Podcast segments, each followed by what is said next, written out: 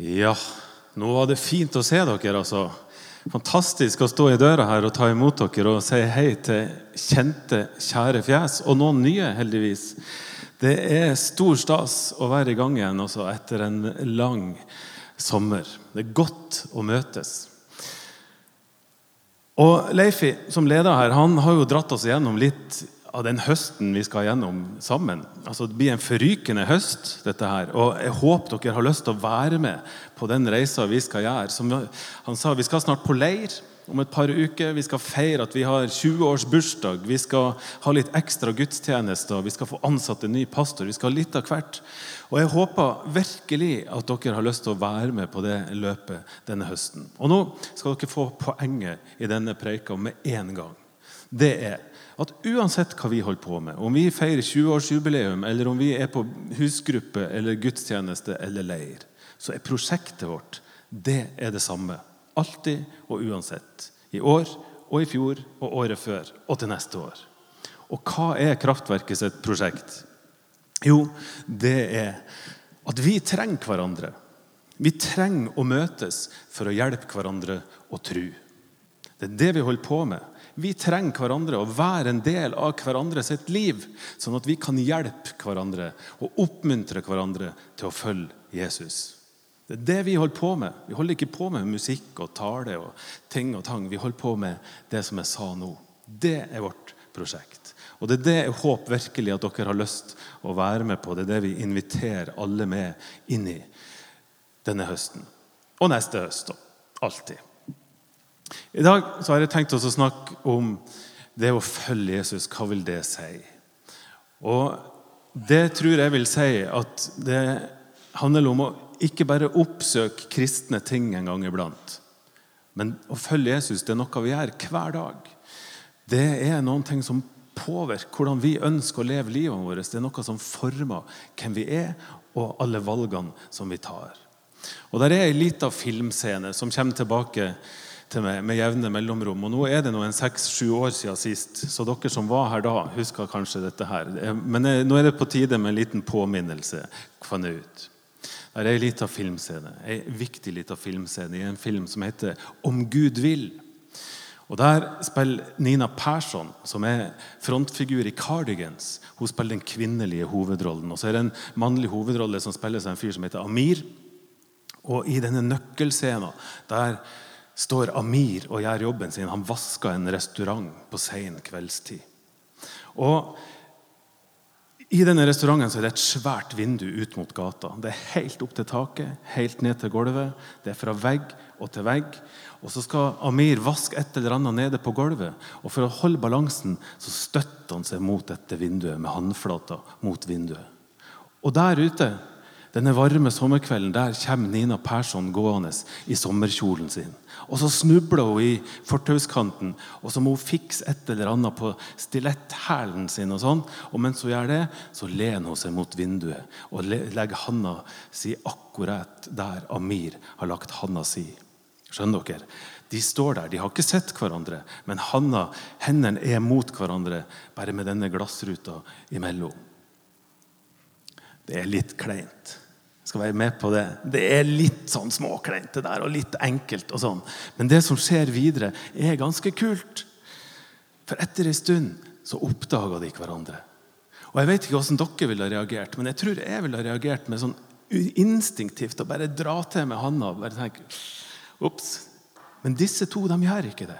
De blir stående, og så ser de på hverandre. Og så drar de ut øyeblikket og lar det virkelig vare. Og så ser de hverandre inn i øynene, prøver å kommunisere. Dette er spesielt. Tenk at vi to skulle møtes på denne måten. Og så skjer det. Plutselig så drar Nina Persson handa til seg. Hun trekker den til seg, så snur hun seg rundt, og så går hun. Uten å se seg tilbake så går hun over veien, og der er det ei stor dør. Så bare åpner hun døra, går inn gjennom døra og lukter den. Og så står Amir igjen og ser etter henne.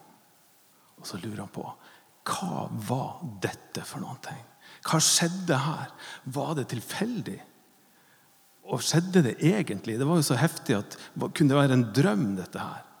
Det han vet, det er at det var en fin ting. Det var en ordentlig god ting. Og så vet han at nå må jeg ta et valg. Skal livet fortsette helt som før? Skal jeg la dette være en liten forunderlig ting som faktisk skjer i livet, og så ferdig med det? Eller skal jeg rett og slett følge etter henne? Og i så fall, hvis jeg gjør det, hva kommer til å skje da? Akkurat sånn tror jeg at det er å møte Jesus. I Bibelen så kan vi lese at Jesus han gikk fra landsby til landsby og fra by til by. Og når han kom inn i en by eller en landsby, så helbredet han syke, drev ut onde ånder eller gjorde andre store tegn og under. Han møtte folk, han møtte fattige, utstøtte, med en enorm kjærlighet. Og kvinner og barn de hadde null status i dette samfunnet. Og Jesus ga dem viktige posisjoner. Og så holdt han noen viktige, store taler og underviste i synagogene. Og Hele tida utfordrer han folk til å velge det gode. Velg Guds godhet, velg medmenneskelighet, velg rettferdighet. Jesus kom liksom deisende inn i livet til folk. Og så ble folk berørt. Hele tida, hver gang. Eller for å bruke bildet i filmen Jesus la liksom håndflata si imot folket. Og så kjente folket at jøss, det er noe spesielt her. Det er et møte her som berører oss, og som treffer. Og her, her er det godt å være. Og så vet vi at etter et møte med Jesus så sto folk der og undra seg. Når Jesus helbreda syke eller vekket opp døde eller gjorde vann til vin, og alle disse tingene her, ja, det var folk slått av undring. Det er uttrykket som blir brukt mange ganger. Da Jesus holdt taler og underviste i synagogene, ja, da undra de seg over hans myndighet og autoritet. kan vi lese. Da han fortalte lignelser, ja, det var ikke alltid de forsto hva han mente, men de undra seg over hva dette betydde. for noen ting. Da han tilga synd, så sto de der og undra seg. Hvem er han? Han som kan gjøre noe sånt. Det er jo bare Gud som kan tilgi synd. Gang på gang kan vi lese at folket var slått av undring. Og mens folk sto der og undra seg, da gikk Jesus. Uten å se seg tilbake så gikk Jesus ut av byen. Ut i ødemarka, kanskje. Eller opp på et fjell for å be. Eller inn i et hus der ingen kunne se ham. Eller hjem til noen for å spise eller overnatte. Han ble borte. Og folket kunne altså ikke se ham lenger. Og alle de som hadde møtt Jesus, de sto igjen, og så måtte de ta det samme valget som Amir. Skal jeg følge etter? Eller skal jeg bare bli igjen og la det være en litt sånn forunderlig hendelse i som livet faktisk har å by på? Men hvis jeg følger etter, skal tro om jeg finner han. Og hvis jeg finner han, hva skjer da? Det valget tror jeg Jesus ga folk gang på gang. Og det vi vet, det er at de aller fleste de lot Jesus gå. Og så fortsatte livet helt som før. Men så vet vi også at det var en del folk som leita etter Jesus. Og alle som leita etter Jesus, de fant han til slutt. Kanskje hadde folk hørt at han var kommet til nabobyen, og så dro de for å møte han der. En gang så var det faktisk mer enn 5000 menn pluss kvinner og barn som hadde møtt Jesus i en by. Og Nå hadde de hørt at han var ute i ødemarka, så de gikk til fots uten å ta, med seg mat. Men ute i ødemarka der møtte de Jesus. Og så fikk de enda mer å undre seg over, for alle sammen ble mett pga. to fisk og fem brød. De ble tatt imot med åpne armer her også, men også her ble jo Jesus borte for dem etterpå. Og Folk begynte å skjønne at Jesus er altså i konstant bevegelse. Hvis du skal følge Jesus, ja, så kunne du ikke nødvendigvis komme tilbake der du har møtt han sist.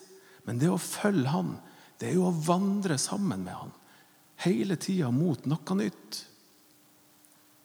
Og det å følge Jesus hver dag, det å være sammen med han hver dag, gå med han fra sted til sted, det var det ikke så mange som gjorde. Vi vet at de tolv disiplene hans de fulgte hvert minutt, natt og dag. Og den lille flokken som vandra sammen med han daglig, den ble stadig litt større.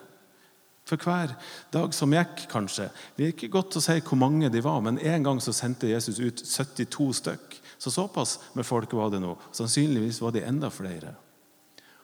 Og så tenker jeg at det var jo her, Det var jo denne lille gjengen, disse som vandra daglig sammen med Jesus. Det var jo fordi, for dem at livet forandra seg, og at livet fikk nytt innhold.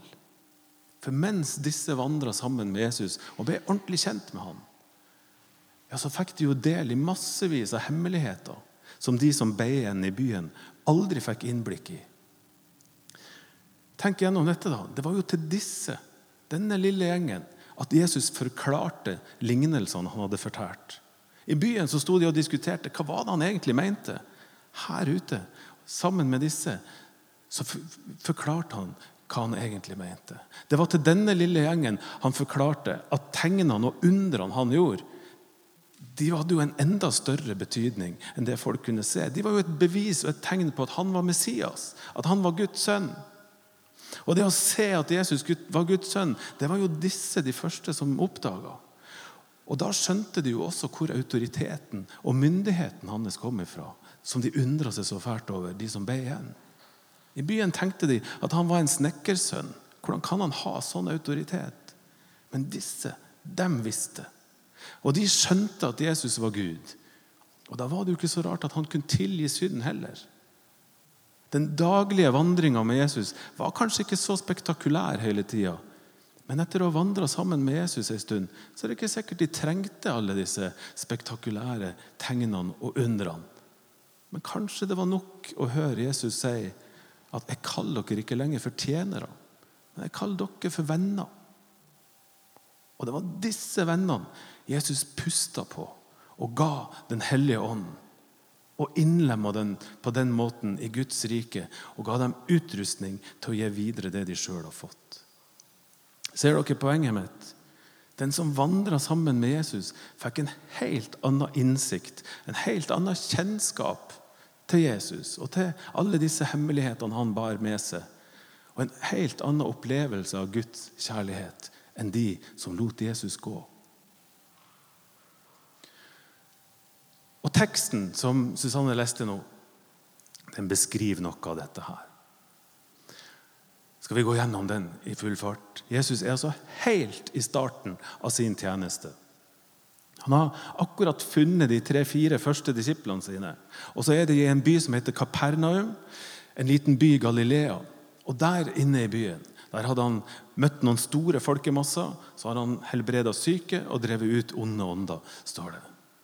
Og folket, mens de sto og undra seg, ja, så gikk Jesus ifra dem.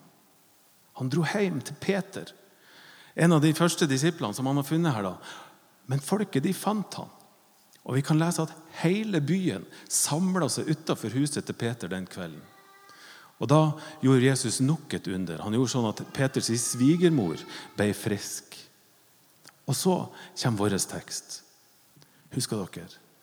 Tidlig neste morgen mens det enda var mørkt, sto Jesus opp. Han gikk ut og dro til et øde sted for å be der. På nytt trekker Jesus seg unna. Men Simon, Peter og de andre skyndte seg etter ham. Og da de fant ham, sa de, alle leita etter det. Og Husker dere hva Jesus svarte? Han sa jo ikke at ja, men da sitter vi her og venter til de kommer. Eller da møter vi de i sentrum, der vi møtte de sist. Nei, han sa la oss gå videre til småbyene rundt omkring. Sånn at jeg kan forkynne der også, for det er derfor jeg har kommet. Teksten avsluttes med å opplyse om at der ute i de andre småbyene helbreda Jesus syke og drev ut onde ånder og forkynte i synagogene deres. Synlig for alle. Ser dere det? At Jesus er altså i konstant bevegelse. Noen ganger ble han borte.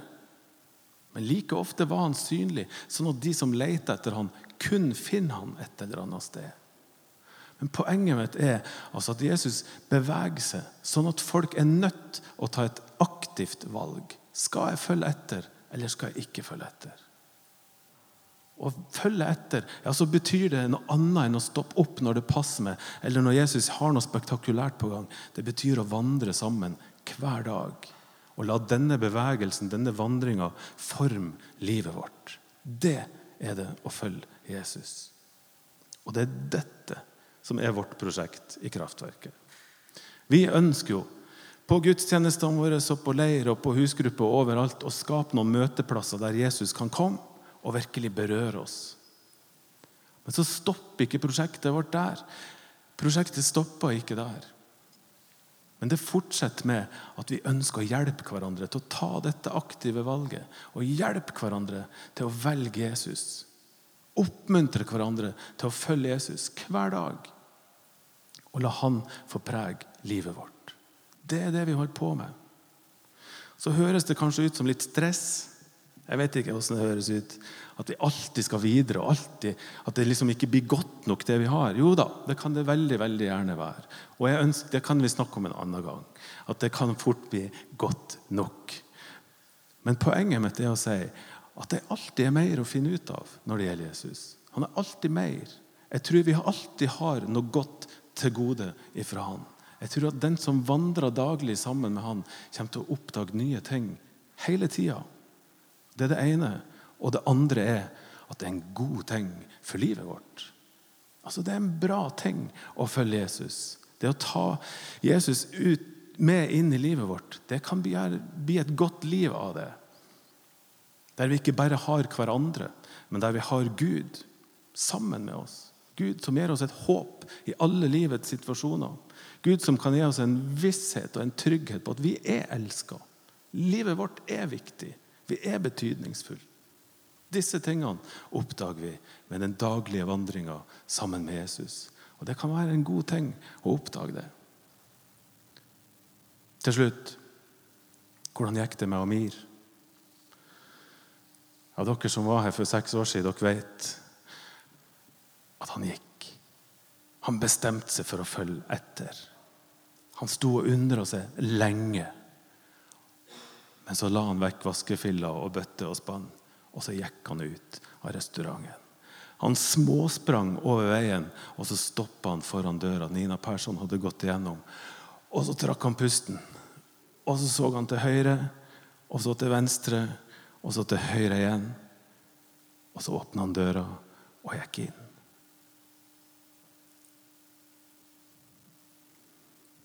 Skal vi be bønn? Jesus, Takk at den som leter etter det, og som ønsker å finne det, skal finne. Det har du lovt. Og Nå ber jeg om at eh, du skal møte alle i denne, dette rommet her, og alle i denne byen her som ønsker å finne det. Ta imot med åpne armer, sånn som bare du kan, Jesus.